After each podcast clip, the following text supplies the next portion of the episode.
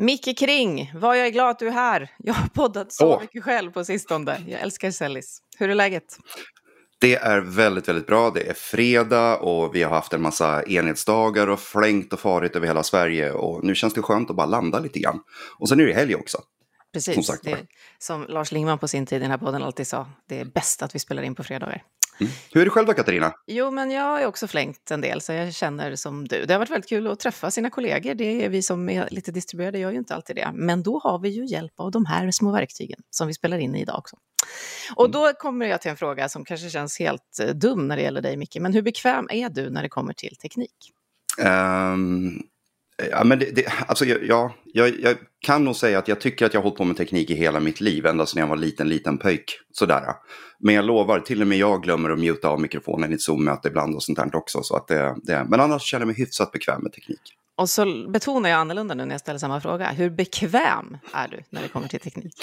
Ja, du menar på det sättet? Uh, ja, jag, jag, jag är tveksam. Ja, det finns två läger. Det finns en som är så här, wow, vad man kan göra med allt det här. Speciellt nu när vi kommer in på AI och den typen. Och sen finns det de här svarta lådorna. Vad gör företagen med den här tekniken? Eller framförallt med vår data som vi sitter och petar in i alla de här tjänsterna. Och så. så där är jag mindre bekväm. Livslångt. En podd om lärande.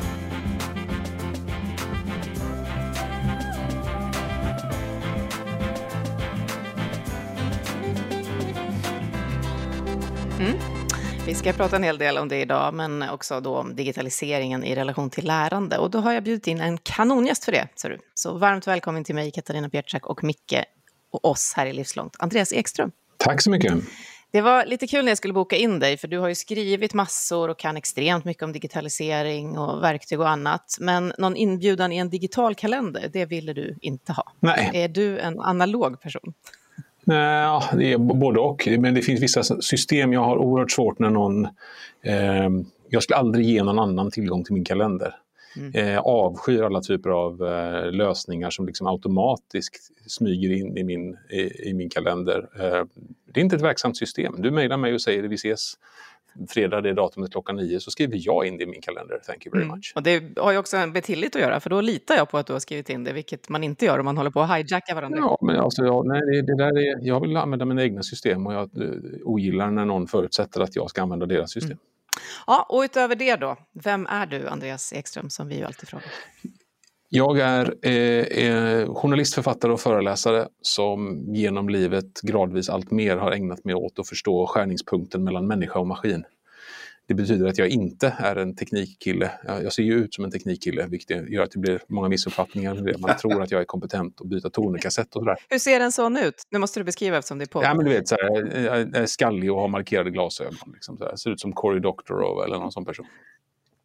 Så eh, då tror man det. Eh, men eh, jag är inte särskilt tekniskt intresserad egentligen i grunden och inte så tekniskt kunnig heller. Jag kan inte programmera någonting värt att nämna eller sådär. Jag kommer inte från den sidan utan jag kommer från kulturjournalistiken och också från pedagogiken som barn till två lärare.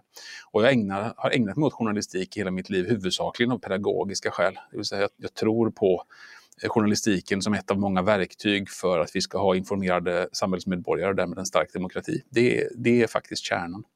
Så eh, då gör jag det på olika sätt genom att ta reda på saker så noga som jag kan och sen förklara det så tydligt som det går. Eh, och sen om det då blir i, i form av en krönika i tidningen Sydsvenskan där jag formellt har min anställning eller om det blir som eh, författare, eh, någon av de böcker jag har skrivit eller om det blir på scen som föreläsare i Sverige eller utomlands.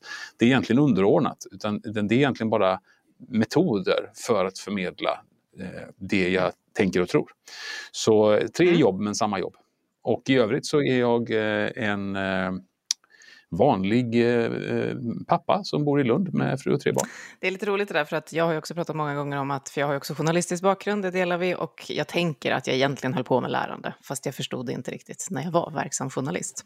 Men förutom att du då har två lärare som, eh, två, två lärare som föräldrar, två föräldrar som lärare, eh, och så tog du journalistikens väg. Hur tänker du kring livslångt lärande? Vad är det för dig längs hela det här yrkesvalet du har gjort?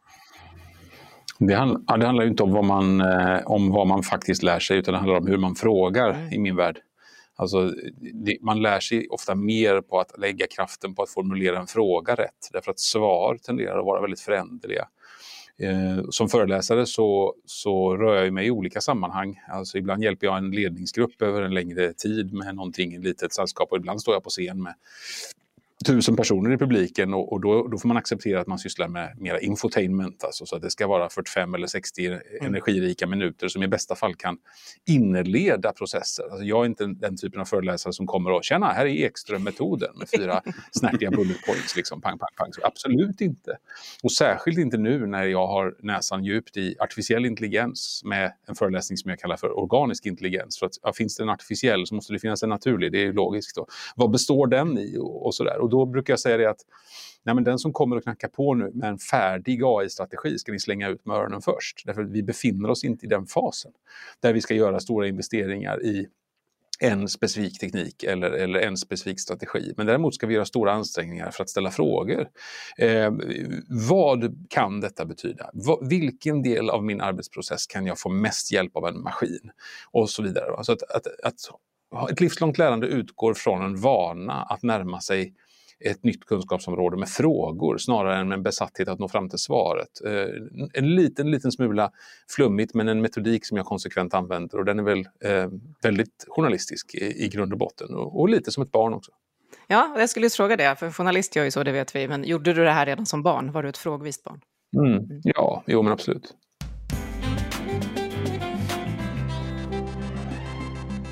Ja, eh, när jag föreläser, eh, som jag också gör då, om behovet av livslångt lärande så blir det ju samma sak där. Man kan bara börja nosa på det här jättestora området. Men då landar vi ofta i att det finns ett gäng krafter som driver på att samhället nu pratar om livslångt lärande på det sätt det gör. Digitalisering är ju en av de krafterna. Just nu handlar det väldigt mycket om AI. Hur, hur ser du den här kopplingen i din vardag, Andreas? Mellan lärande och digitalisering? Mm. Mm. Nej, men alltså, vi lever ju i en tid som tvingar fram ett lärande hos medborgarna. Eh, men, in, men som inte gör det på ett eh, tillräckligt genomtänkt och humanistiskt sätt. Vi flyttar helt enkelt standarder för att det är eh, av två skäl. Va? För det första så gör vi det för att det är ekonomiskt eh, effektivt och kraftfullt att göra sådana enorma kraftsamlingar som de största jätteföretagen i Silicon Valley har, det har visat sig vara väldigt eh, effektivt med stordrift och det funkar väldigt bra när vi 90 procent av oss väljer ju att använda Google som sökmotor och sådär. Och det finns, det finns massa fördelar med det, eh, även för oss som mm. konsumenter. Och det syns ju ännu tydligare på sociala nätverk. Och det här är det som jag eh, själv helt skamlöst har kallat för um, Uh, uh, ja, det, ja, det är som ett skämt, jag måste betona det. Men the Extromian Social Monopoly Dilemma. Och det är alltså det Ekströmska socialmonopoldilemmat. Och det, det bygger på att jag helt enkelt har identifierat en, en konflikt och det är jag väl sannerligen inte ensam om. Nämligen den här. Det är inte bra med monopol, det är alla överens om. Då, då far kunderna illa på olika mm. sätt. Men samtidigt, vem 17 vill ha 12 olika sociala nätverk och ha sina vänner i och leta upp och bjuda på fest och, och nå ut till? Det vill man ju inte. Alltså monopolet har ett konsumentvärde för mig vad det gäller sociala medier. Detta är en olösligt problem, ett olösligt problem. Mm. Vi vill ha ett monopol av sociala skäl men absolut inte av integritetsskäl och ekonomiska skäl. Hur löser vi det? Och detta hänger då ihop med att ja, men okej, det är gratis och det är effektivt och sådär. Men sen har vi den andra drivkraften då som jag skrev en hel bok om, nämligen bekvämlighet. Och den, den boken heter Bekvämlighetens tyranni och kom för, förra hösten. Mm. Och, och, och, bekvämligheten då, det handlar ju egentligen om, ja, man kan kalla det för användarvänlighet om man vill eller, eller, eller så. Men mm. jag visar i boken genom ett antal exempel att så länge vi möts av tjänster som är tillräckligt välgjorda eh, i sin smidighet, i sin bekvämlighet, så är vi beredda att ge upp nästan vad som helst. Mm. Är vi beredda att ge upp vår integritet, alltså privatlivsfrågor. Vi är beredda att ge upp eh, kontroll i väldigt stor utsträckning och mycket annat också. Och det där är kombinationen då av saker som är gratis, vilket alltså boken inte handlar om, och saker som är bekväma, vilket boken handlar om, gör att vi hamnar i en situation där vi eh, tappar massa saker på vägen. Eh, och då tappar vi till exempel fullständigt medborgardeltagande. Äldre människor som märker att jaha, jag måste ha en app för att kunna åka med den här bussen, alltså de här klassiska exemplen. Mm. Eh, vi gör inte den, eh, den förflyttningen på ett tillräckligt inkluderande och anständigt vis, framförallt gentemot äldre medborgare.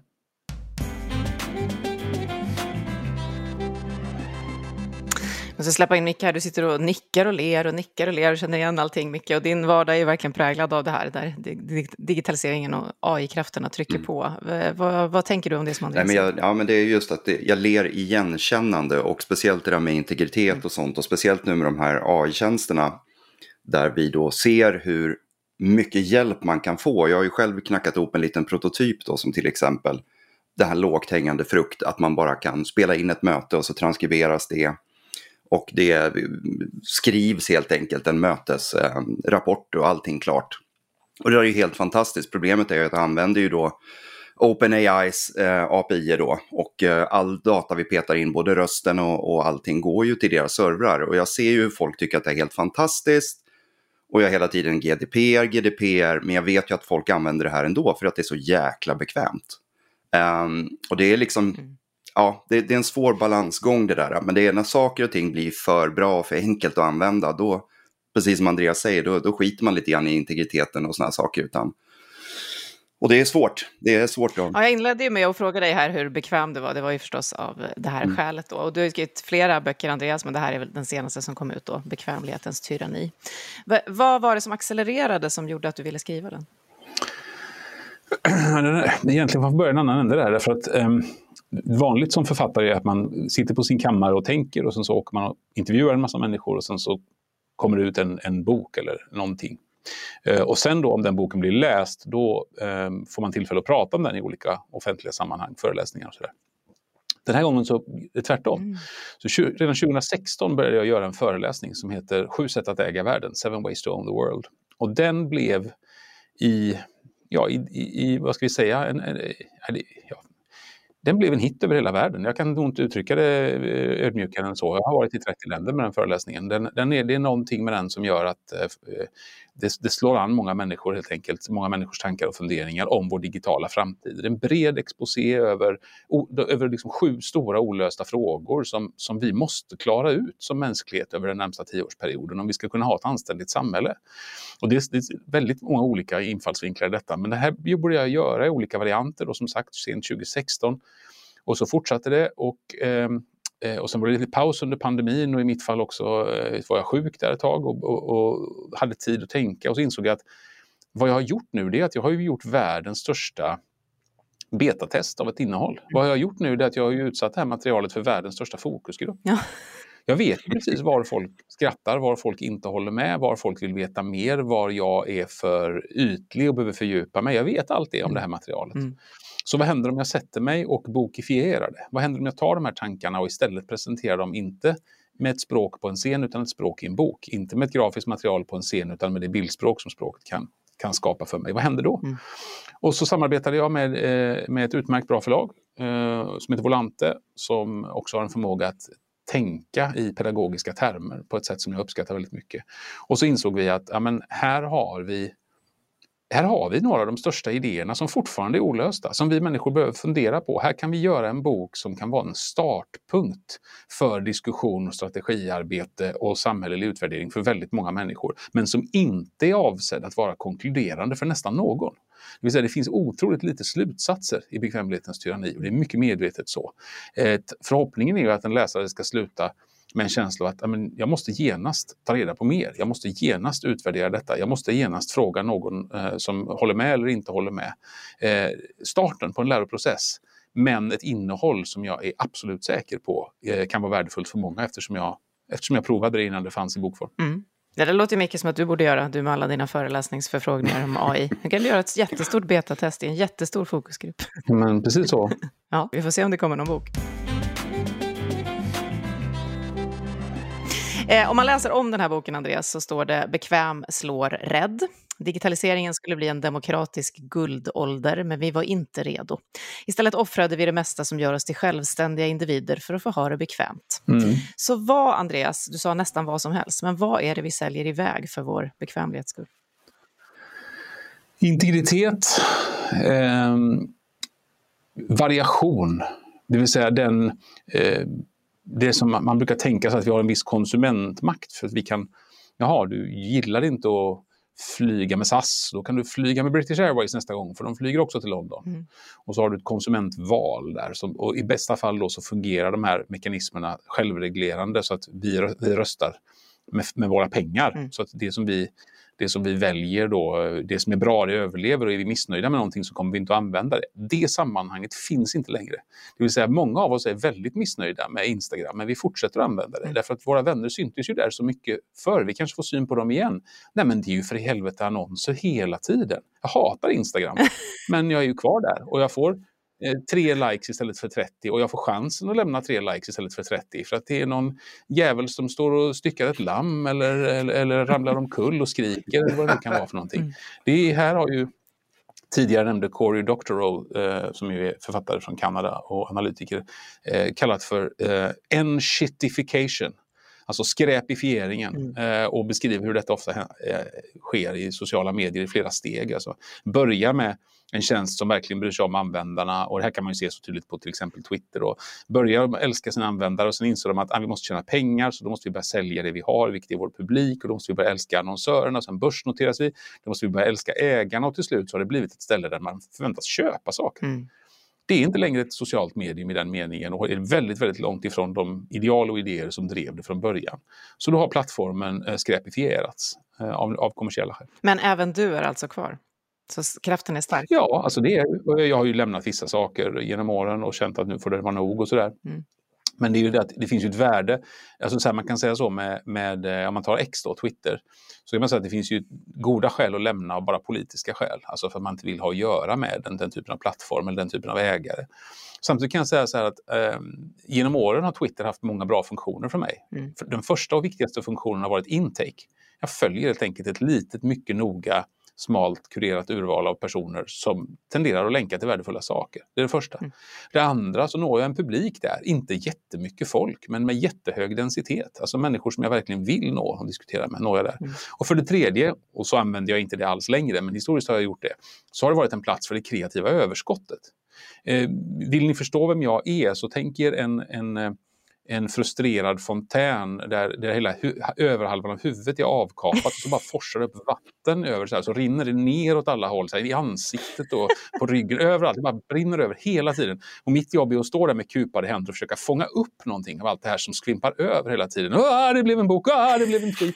Det så fungerar mitt huvud ganska mycket. Um, och då har Twitter varit väldigt bra för mig för att liksom bli vansinnig över uh, uh, hur IFK Göteborg spelade i våras. Mm. Så det har ju funnits massa uh, starka värden i, i att använda de här sociala medierna. Men de värdena sjunker just nu undan. Det är tråkigt. Mm. Jag får en bild av den här emojin med en sprängd hjärna.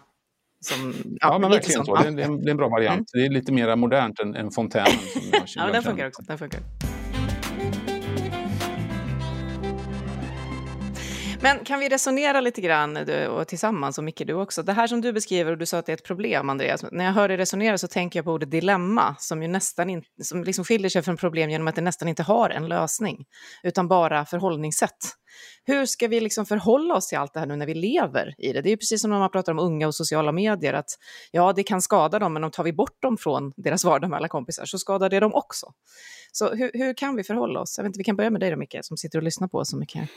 Oj, vilken, vilken lätt fråga att svara på. Ja, eller hur? Jag tänkte att du hade svaret här nu. Hur förhåller du dig? Kanske vi kan börja med. Uh, nej, men jag, jag känner igen mig så mycket i, återigen då, men jag tänker på Twitter som det förmodligen kommer heta för mig lång tid. Jag är för gammal snart för att var med om namnbyten och sånt.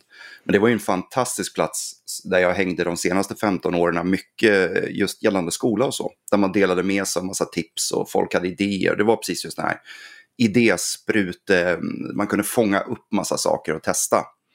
Men sen de senaste åren, även innan eh, en viss person tog över och gjorde om det till X så kände jag att det blev mer och mer polariserat och liksom, det, var, det var inte riktigt den där kreativa grejen för mig som, som det har varit. Um, och samma med Facebook och liknande, man hänger där för att man vet att folk är kvar men jag, jag ser ju lika många poster om, har ni, alltså, som, som just tar upp det där, har ni också jättemycket reklam på era? Så jag undrar, så är det mina vänner som har försvunnit eller är det bara det att någon har dragit på volym 10 på just eh, den här ad-grejen? Ehm, men jag vet inte, jag, jag, jag har inga bra svar. Jag tycker att det är jättesvårt. Jag tänker liksom hela det här MIK-begreppet och liksom att... Uh, Medie och informationskunnighet ska vi säga för den som inte är med. ja, just det. Mm. Nej, men att vara liksom... medveten om hur plattformar faktiskt styrs och hur de, liksom, hur de fungerar. Eh, det är väl egentligen det bästa, att lära sig lite grann om hur saker och ting funkar. Och ha den medvetenheten med sig när man gör sina val eller när man hänger på olika ställen. Så. Vad tänker du Andreas som förhållningssätt som funkar i det här? Ja, alltså så här, jag, jag, tycker att vi har en, en rädsla, en alldeles för stor rädsla och respekt för reglering. Eh, det blir en, en, sanning i sig själv, så här, man säger så nej, det går inte att hindra barnen från att, eller så här, det går inte att reglera teknik. Så här. Eh, ursäkta, har du försökt att bygga ett hus någon gång? du får inte välja hur högt ditt trappräcke ska vara eller hur, hur mycket, många kvadratmeter eh, toaletten på nedre botten ska vara. Det går jättebra att reglera teknik. Har du försökt att bygga en bil och få tillstånd att köra den på svenska vägar? Det går alldeles utmärkt. Det har blivit en truism, alltså en tom, en tom sak man säger och tänker att den är sann utan att den riktigt är sann. Vi har makt i våra parlament. Det går alldeles utmärkt att lagstifta om teknik. Det är förvisso svårare att göra det om digital teknik. Mm. Men det är ju den situationen vi har nu. Vi får ju tänka noga på vem vi röstar på helt enkelt. Någon som förstår det här och det kommer ju inte ens topp 20 när vi medborgare rankar det för att vi tror att detta är en teknisk fråga. Men det i själva verket är grundfundament för allt från sociala relationer till demokrati och affärsliv.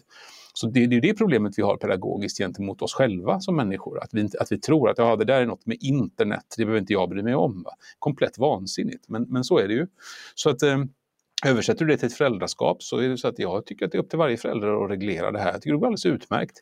Min syster som är eh, akademisk ledare vid Göteborgs universitet och, eh, och, och hennes eh, man de eh, har en väldigt strikt policy för sina barn. De har inte fått eh, telefoner överhuvudtaget förrän de har varit 12-13 år och då inte heller uppkopplade telefoner utan kontantkortstelefoner så det går att ringa och smsa så man kan så. Mm. Det är ganska svårt, det börjar bli ganska svårt att lösa med bussbiljetter och det, man är iväg på match eller man är på väg på friidrottstävling och så ska man, ja det går bara att swisha i kiosken då när man är där och så. Mm. Eh, går inte att betala kontant och går inte att betala med kort utan bara att swisha. Så alltså det, det, är inte så lätt. Så. Men de har, de har sett att det här är ett eh, massförströelsevapen med ett fantastiskt ord som ju för övrigt också funkar på engelska, Weapons of Mass Distraction. Eh, och, och, och, det är... Då har de valt att ta en, en, offensiv linje som föräldrar. Jag har två underbara eh, eh syskonbarn som är närvarande och eh, har ett breda sociala liv och eh, har många kompisar och kan konsten att prata med vuxna och eh, ta hand om sådana som är yngre. Så jag ser inga negativa effekter i deras liv och de talar själv heller inte om några direkta negativa effekter och att de bara fick vara lite mer restriktiva än de flesta av deras kompisar. Mm. Det valde min syster och hennes man. De har rätt att göra det, de gjorde det bra, det fungerade. Eh, vad är det frågan om föräldrar? Ni är, väl, ni är väl föräldrar? Ni lär väl barnen att man ska tvätta händerna före maten och hålla upp dörrar och säga tack och, och titta andra människor i ögonen och presentera sig när man kommer till ett nytt sammanhang. Eller hur? Mm. Jag menar, varför skulle ni inte sätta vissa ramar och regler och komma med en viss uppfostran när det gäller hur man förhåller sig till en digital tid? Mm. Eh, ja, vi vet inte riktigt, så vi låter dem köra. Liksom. Vad är det för vansinnig eh, filosofi? Ja.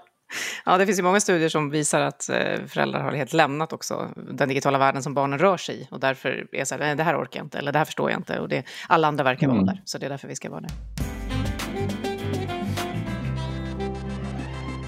Men jag måste ändå säga, de som, de som vurmar för icke-reglering och tänker att det här måste vi ju ha en frihet kring. För mig så är det ofta samma personer som på något sätt hade den här starka förhoppningen när internet kom. Det här är en demokratisk bygge, alla kan komma till tals, vi kan nu alla publicera oss. Så har man ju väldigt mycket och så. Hur, hur? Ja, så himla naivt. Ja, jag menar, så, det finns så otroligt många, alltså jag ska inte hålla på, liksom, det vore så taskigt av mig att hålla på och nämna namn och citera ja, folk. Men jag minns ju hur det var. Liksom. Det var tiden runt 2007 till 2012 då, då då Piratpartiet okritiskt omfamnades för att de var de enda som talade om internetfrågor. Där man inte såg att det var, ju, det var ett gäng digitala huliganer alltså, som liksom försökte legitimera total brist på respekt för intellektuellt arbete med någon sorts eh, kostym av att bry sig om integritetsfrågor. Vilket man ju sedermera kom att göra förvisso, men det handlade inte om det från början. Det var en digital huliganrörelse. Och de av oss som samtidigt förstod digitalitet i någon mening och samtidigt tyckte att, men vad sägs om att vi har ett samhälle även på internet, där lagar gäller precis som i resten av världen. Där det, liksom det normala beteende som vi etablerat i samhället under hundratals år, vad sägs om att det gäller digitalt också? man kom liksom med en idé om att men nu är världen ny. Nu har vi den här gamla världen och sen har vi internet och det gäller nya regler. Det har aldrig varit hållbart. Och det enda som personer som jag har gjort, det har varit att insistera på att samhället också ska vara internet och internet ska vara samhället. Och att den uppdelningen, det försöket att lägga det i två olika lådor är intellektuellt ohederligt och alltid har varit ett stickspår. Det finns gott om svenska debattörer som otroligt naivt har trott att ja, men om bara, om bara eh, alla som eh, skriver tidningsartiklar själva är närvarande i kommentarfälten och svarar vänligt på frågor så kommer det bli en fantastisk summa av visdom som kommer fram och adderat värde. Skojar ni eller? Det utgår från att alla människor i alla lägen är kapabla att i skrift utgå från motståndarens bästa argument samt bara vill väl. Mm. Och så vet vi. Och har sett alldeles för många exempel på att det inte är det. Alltså, det, är en sån, det, är en sån total, det är en sån total missuppfattning om hur mänskligheten är, mm. om hur världen fungerar. Har de människorna aldrig agerat med resten av samhället? Ja, om vi bara kopplar samman alla så blir allting bra. Mm, kanske en väldigt stark förhoppning. ja, man brukar också få höra, men vill ni verkligen lägga reglering och makten hos, tänk om vi får auktoritära styren, hur blir det då? Kolla på Kina. Mm. Så det finns en stor debatt som pågår där. Jag tänkte, Micke, när du fick syn på internet, vad, vad kände och tänkte du då?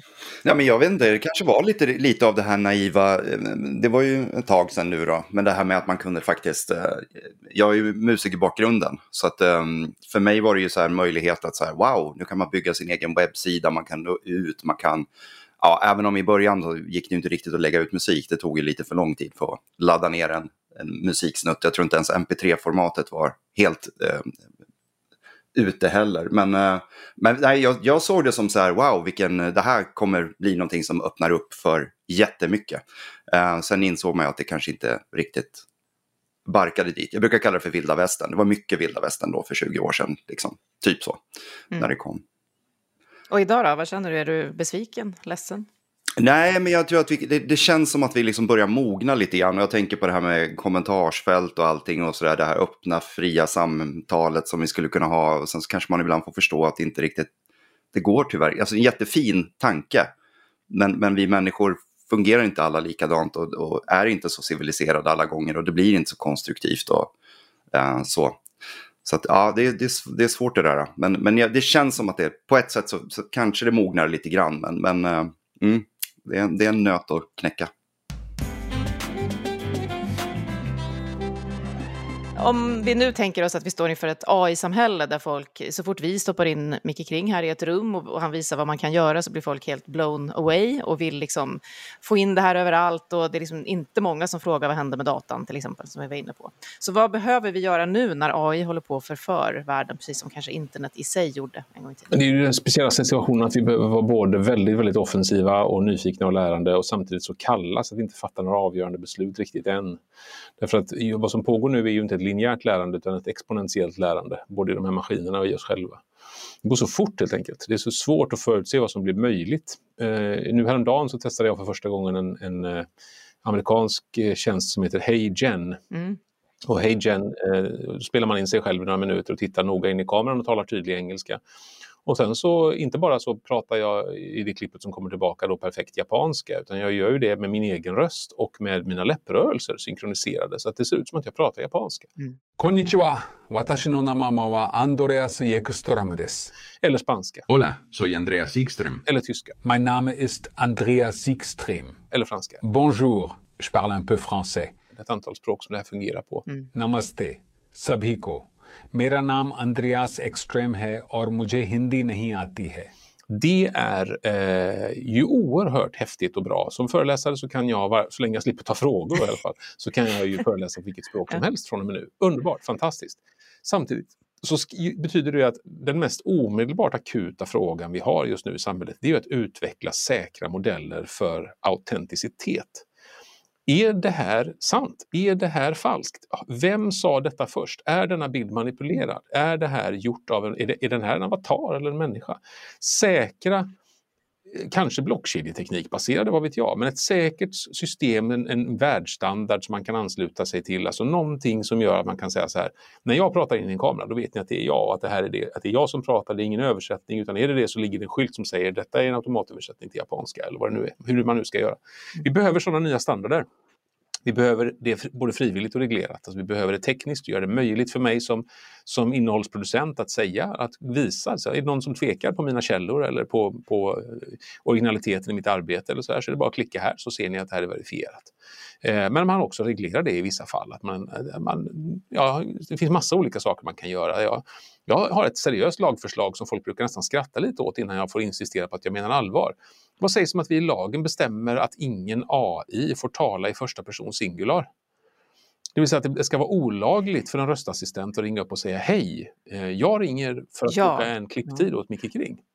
Eh, för då kan man fortfarande tro att det här är en människa. Eh, utan det, det måste vara hej, detta är en automatisk röstassistent som ringer på uppdrag av Micke Kring för att boka en klipptid. Eh, mm. Varför inte reglera datorns språk. Därför att när en maskin pratar i jag-form så fuckar det med våra huvuden. Vi börjar tro att det finns en, en levande mänsklig intelligens där inne som kan bli ledsen om vi säger någonting. Det kan den inte. Den sysslar med matematik, den kan inte skriva, den kan räkna. Alltså, och, och det, det, vi ska vara helt osentimentala i synen på detta. Varför inte reglera ett språk? Det kan man alldeles naturligtvis göra. Mm. Nu kommer du aldrig mer kunna göra någon form av avatar, Micke, som börjar med jag. Det förstår Nej. du va? Nej. Tycker du att det vore ett bra lagförslag? Nej, men jag, jag, jag, alltså jag, det här är ju ett jättestort problem. Tittar vi på liksom skolans värld också med, med, med plagiat och fusk och hela den där debatten och så. Men jag, eh, jag är nog öppen för alla möjliga typer av förslag hur vi ska göra. Och jag håller med det här med att, att vara lite försiktiga. Och det som jag framförallt tänker på nu när man ändå har hållit på, det känns ju så här, när man har hållit på att jobba länge med AI, alla de här sju månaderna sedan typ ChatGPT drog igång ordentligt. Men jag tänker också på vad det gör med oss som människor. Det, det är liksom den stora grejen för mig. Jag märker ju hur jag själv, för jag medvetet tänker på det, hur jag själv blir mer och mer bekväm kanske. Det vill säga att jag, jag går hellre till någon form av AI-tjänst och får hjälp med att skriva lite kod som jag sen ändå måste hålla på att göra om och sånt bara för att jag inte själv orkar på något sätt att komma igång manuellt. Uh, ja, och samma sak där med att skriva, eller ta fram en bild. Istället för att manipulera och göra någonting i Photoshop så sitter jag ännu längre tid och försöker prompta fram någonting som ändå inte blir riktigt bra i slutändan.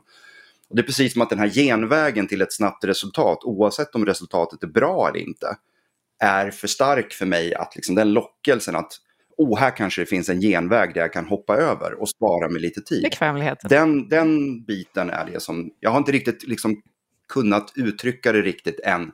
Men jag, jag, jag ser en fara för mig själv där.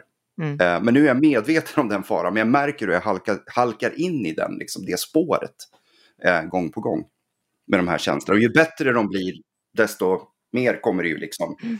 Ja, många kreativa yrken som sitter och funderar på det här, apropå din musikbakgrund mm. och så också ju såklart. Du gjorde en fin övergång där till någonting som jag vill hinna återkomma till innan vi ska sluta, Andreas, som handlar om vem du är. Du nämnde lite i förbifarten att du var sjuk ett tag. Under pandemins första år så var du med om något som bokstavligen ju räddade ditt liv. Du fick ett nytt organ, utan det hade du inte levt idag. Kan du bara lite kort berätta om tiden som ledde fram till det här? När vi spelar in det här är det eh, ungefär tre år sedan jag fick en ny lever. Eh, och det fick jag efter att ha haft en, eh, en oh, inte, inte helt ovanlig, men ganska ovanlig leversjukdom i många år som heter primär skleroserande kolangit. Den eh, attackerar levern eh, långsamt och till slut så får man cirros, skrumplever, och till slut så dör man av organsvikt om, och förgiftning om man inte får en ny lever. Ehm, det fick jag i tid eh, tack vare en, otroligt sofistikerad sjukvård och eh, en, en otroligt fascinerande process att, att vara med om på, på precis alla vis. Det är klart att man hellre hade valt kortet att vara frisk hela livet, men om man nu ska få en sjukdom och en behandling, då var den här väldigt intressant. Mm. Det kan man i alla fall säga. Det är en existentiellt fantastisk upplevelse att bestå till 1,8 procent av kroppsvikten av en mm. annan man. Eh, och det är, en, eh, det är liksom att få tjocktarmscancer och, och, i de flesta fall överleva efter tråkiga och jobbiga ett och ett halvt år av en eh, seg och långsam odramatisk behandling. Det finns, det finns ju inget kul med det. Men min livräddning är ju så dramatisk. Den innefattar en annan, en annan människas död och altruism. Och det går inte att planera därför att det inträffar när rätt medmänniska har råkat dö.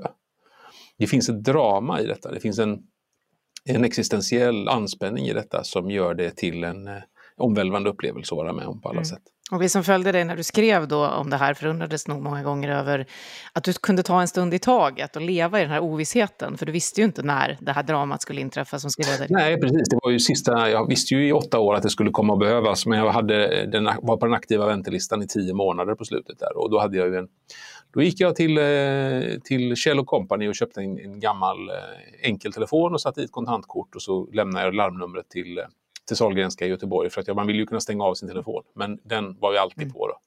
Så den var alltid i fickan och på högsta volym och en gång i månaden så provringde jag och kollade att det skrällde ordentligt som det skulle. Och Ja, så att, eh, då, då var det ju ett, eh, ett skarpare läge så att säga. Men eh, jag tyckte det gick ganska bra. De hade en väldig förmåga på, från sjukvårdens sida att utstråla kompetens och trygghet. Det gick fint att delegera den här frågan. Jag, jag har aldrig blivit expert på hepatologi. Jag, mina kunskaper om leversjukdomar är mycket begränsade. Eh, jag vet lite mer om transplantationer men det är huvudsakligen på grund av att min, min hustru Lisa Kirsebom har skrivit en enastående bra bok om organtransplantationer. Eh, delvis om vår historia men framförallt om frågan som sådan.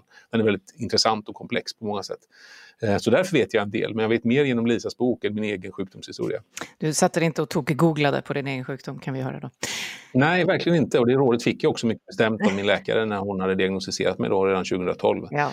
Gå inte hem och googla på det här. Det är så otroligt många symptom man kan få som du inte kommer att få. Det, det, det, är, inte, det är inte en bra approach för just den här sjukdomen. Jag lydde det. Mm.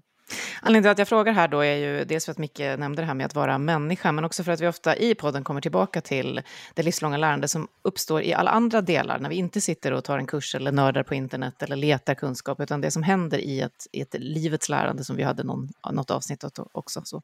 Vad har det här lärandet för dig, Andreas, satt eh, i, i perspektiv eh, jämfört med annat som du håller på med dagligen? Ja, alltså det kan vara så att det är för tidigt att säga det. Eh, jag tycker mitt liv på alla sätt har blivit bättre av att gå igenom det här. Eh, det var arbetsamt många, många dagar. Eh, men något ska vi ju göra med de få dagar vi har. Mm. Och att förstå mer om existensens villkor på alla plan är ju eh, centralt för en människas utveckling, också för mig. Att ha mött läkare, sjuksköterskor, medpatienter eh, människor med hög expertis, att, att ha observerat mig själv och mina närmaste under den här processen. Det var en av sjuksköterskorna som jag gillade allra bäst. Karin, om du lyssnar på det här, eh, sa att jag har aldrig haft en patient någon gång, tror jag, som tittar så mycket på det här från sidan som Andreas gör. Mm. Och det var nog en, eh, en korrekt observation. Det var, det var liksom oemotståndligt att titta på allt det här som hände. Eh, och det kan ju naturligtvis ha haft drag av överlevnadsstrategi också. Jag minns ju att jag under nästan en månad på sjukhuset så saknade jag inte min familj. till exempel. Mm. Det är ju märkligt alltså. Det är tre barn och, min fru och, och älskar att vara med min familj. Det är, det verkligen det är så otroligt lyckligt lottade med, med friktionsfria relationer i, i den här lilla familjen. Så det, det är en sån enorm välsignelse. Men den där månaden så var det alldeles utmärkt att inte träffas. Därför att jag var upptagen med någonting. Mm. Och ska man jämföra med någonting så, så låter det ju jättebanalt, men det var lite som att vara upptagen av ett projekt. Liksom. Så jag, jag jobbade, alltså, jag hade ett antal saker som jag skulle göra varje dag kom någon fysioterapeut och skulle hålla på och lyfta där på foten och så skulle man rullas ner och göras biopsi på och så, så var det det och sen så skulle man göra detta. Och, och, eh, ja, det, det, var, det var ett jobbprojekt. Så. Jag älskar att bli kliad på ryggen. Så. Jag vill inte bli kliad på ryggen. Jag, jag, jag är upptagen att bli stucken av nålar just nu. Alltså, mm. Det var jättespeciellt alltså, mm. att, att uh, det förlades till den delen av hjärnan på något vis. Sen var det jättehärligt att komma hem när jag kom hem. Mm. Men, uh, men det var också skönt att vara isolerad och upptagen med mitt projekt när jag var det. Så det var ja, mycket intressanta saker. Men exakt vilka slutsatser jag ska dra om sjukvård eller om mig själv eller, eller eh, andra saker. Det är jag inte helt säker på. Det, det, det är väl någonting som osmotiskt flyter in i, i, i summan av, av min livserfarenhet. Mm. Och kanske det som vi ibland definierar just som livslångt lärande. Man vet ju riktigt aldrig när det poppar upp.